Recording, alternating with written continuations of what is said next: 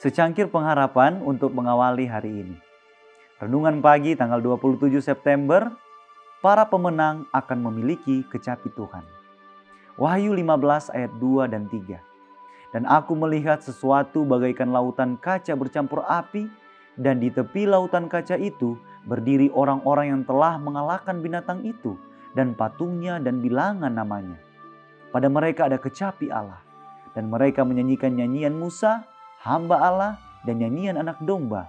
Bunyinya, besar dan ajaib segala pekerjaanmu ya Tuhan Allah yang maha kuasa. Adil dan benar segala jalanmu ya Raja segala bangsa.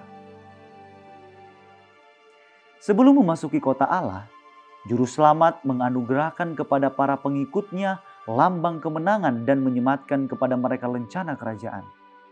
Barisan arak-arakan yang berkilauan itu ditarik ke atas dalam bentuk lekuk segi empat, mengelilingi raja mereka yang bentuk perawakannya lebih tinggi mengatasi orang-orang kudus dan malaikat yang wajahnya bercahaya kepada mereka penuh dengan kasih yang besar.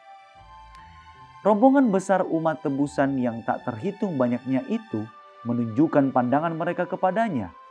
Setiap mata memandang kemuliaan Dia yang tampangnya telah dirusakkan lebih dari manusia mana pun dan bentuknya melebihi anak-anak manusia.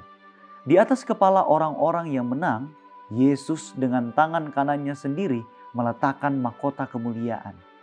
Ada mahkota bagi setiap orang yang bertuliskan nama baru dan tulisan yang berbunyi kekudusan bagi Tuhan.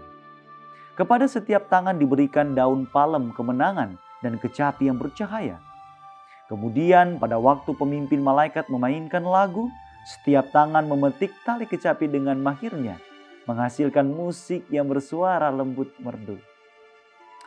Kegembiraan yang tidak terkatakan menggetarkan setiap hati, dan setiap suara diangkat dalam pujian syukur bagi Dia yang mengasihi kita dan yang telah melepaskan kita dari dosa kita oleh darahnya dan yang telah membuat kita menjadi suatu kerajaan menjadi imam-imam bagi Allah, Bapaknya bagi dialah kemuliaan dan kuasa selama-lamanya. Amin. Doa kita hari ini.